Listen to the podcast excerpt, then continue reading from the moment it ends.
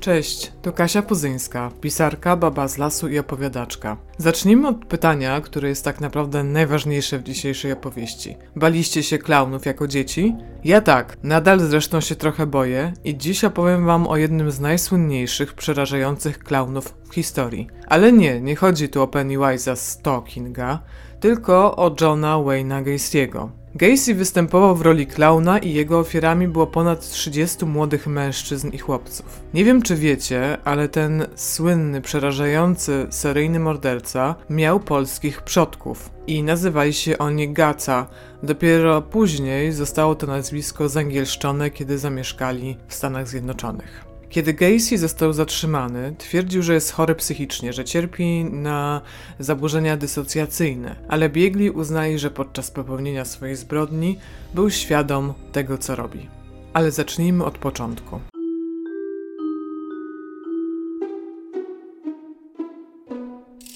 Gacy urodził się 17 marca 1942 roku i jak wielu seryjnych zabójców nie miał szczęśliwego dzieciństwa. Ojciec Johna był weteranem z I wojny światowej i pracował jako mechanik. Niestety był alkoholikiem i często stosował wobec swojego syna, jak i jego sióstr przemoc. Wobec samego Johna często stosował przemoc nie tylko fizyczną, ale także psychiczną. Bardzo tak go mieszał z błotem, umniejszał i czasem był naprawdę bardzo brutalny, bo wiadomo, że ta przemoc psychiczna może być nawet gorsza niż ta fizyczna. Matka Johna próbowała go bronić, ale to jeszcze bardziej rozjuszało ojca i sprawiało, że mówił on, że John jest mamin synkiem, że nic z niego nie wyrośnie. I Gacy potem mówił, że mimo tej takiej problematycznej relacji z ojcem, to ojca bardzo kochał i zawsze starał się go zadowolić, miał poczucie, że nie jest wystarczająco dla ojca dobry. Oprócz tej trudnej relacji z ojcem, tej brutalności, której doświadczał ze strony ojca, Gacy zaczął być też molestowany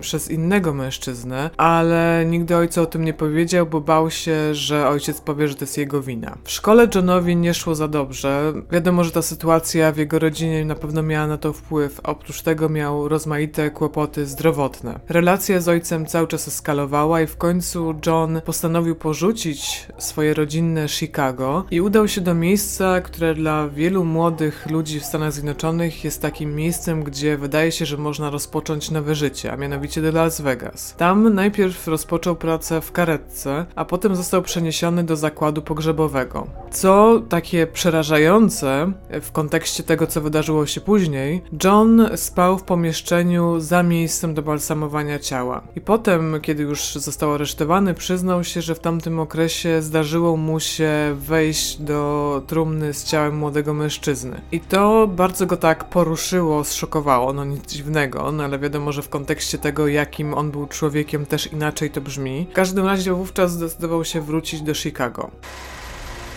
Ku zaskoczeniu wszystkich w rodzinnym mieście podjął naukę i po skończonym koledżu zaczął e, pracować w firmie produkującej buty. Tam poznał swoją przyszłą żonę, Merlin Mayer. Przed ołtarzem stanęli w 1964 roku i to był początek zmian, bo wkrótce po ślubie John dostał pracę w restauracji prowadzonej przez teścia. To była restauracja z sieci KFC i wraz z żoną przeprowadził się do Iowa, żeby właśnie móc e, podjąć e, tę pracę w restauracji. Teść mu ufał na tyle, że potem przepisał ten lokal na Johna. I Gacy budował taką, budował sobie taką reputację szanowanego obywatela miasta Waterloo. Z żoną doczekał się dwójki dzieci, córki i syna i wszystko zaczęło wyglądać wręcz perfekcyjnie, do tego stopnia, że w pewnym momencie zyskał nawet aprobatę, tego, tą upragnioną aprobatę swojego ojca. Kiedy jego rodzice odwiedzili dom Gacy w 1966 roku, ojciec powiedział, że mylił się co do Johna. Wkrótce jednak na tym idealnym wizerunku pojawiły się rysy.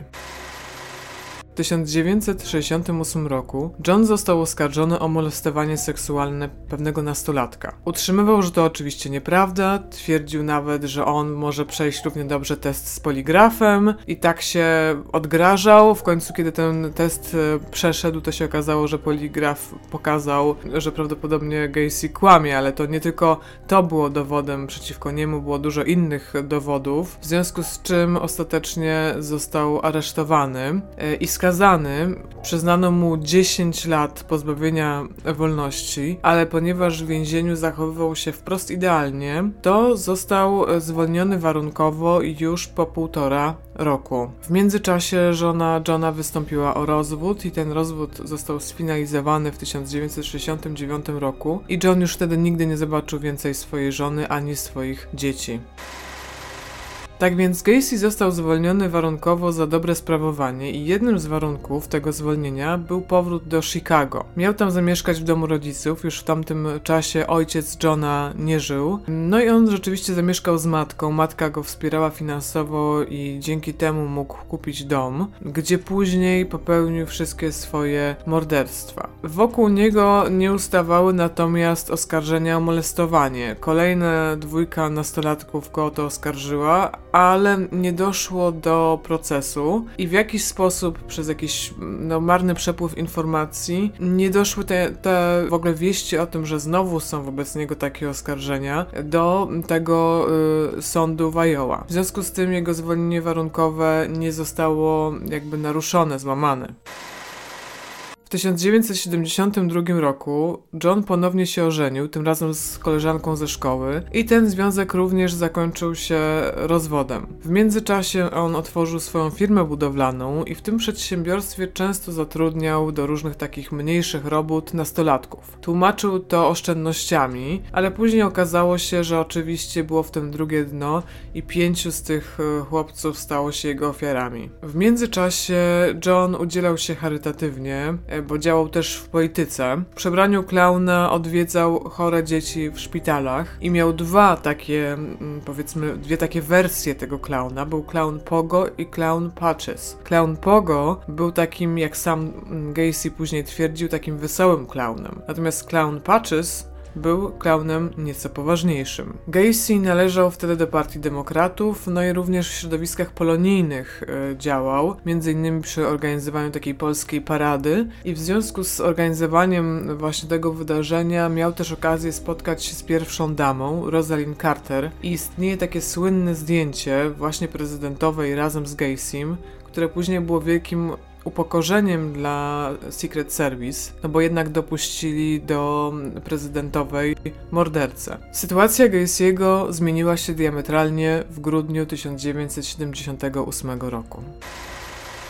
W grudniu 1978 roku zginął kolejny nastolatek. Po raz ostatni widziano go właśnie z Johnem i dlatego policja zdecydowała się na rewizję domu Gacy'ego. Tym bardziej, że jak e, komisarze zaczęli tam troszeczkę grzebać w przeszłości Gacy'ego, to znaleźli te wszelkie oskarżenia wobec niego. No i kiedy wkroczono do domu Gacy'ego, znaleziono u niego aż 29 ciał. 26 było zakopanych w przestrzeni pod domem. To się tam nazywa w Stanach Zjednoczonych tak zwane crawl space, czyli pod samym domem nie ma piwnicy, tylko jest takie, pewnie widzieliście na filmach, takie miejsce, gdzie można się wczołgać. Z reguły na filmach jest sytuacja taka, że dzieje się tam coś niedobrego. No tutaj też się działo coś niedobrego, bo było tam 26 ciał młodych mężczyzn. Trzy inne ciała były pochowane w innym miejscu na, na działce Johna Gacy'ego, a cztery porzucił w rzece The Plains. Dowodów było tak dużo, że Gacy zdecydował się zeznawać. Prawdopodobnie zamordował 33 osoby, głównie młodych mężczyzn i chłopców. Ofiary najpierw zwabiał do swojego domu, potem zakładał im kajdanki, tłumacząc, że chce im pokazać magiczną sztuczkę,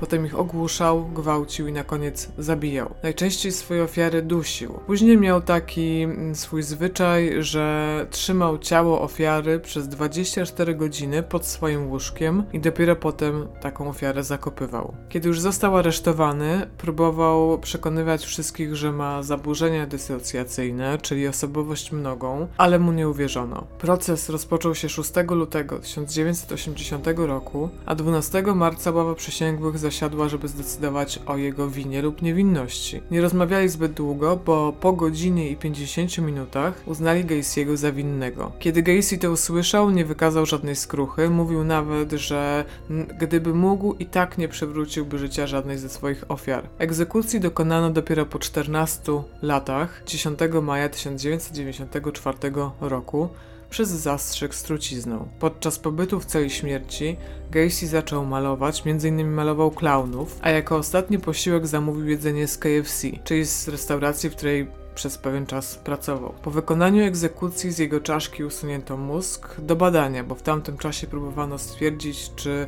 seryjni mordercy mają jakieś zmiany w mózgu, czy jakoś ich mózg różni się od tego, który mają normalni ludzie. Jego ciało natomiast skremowano.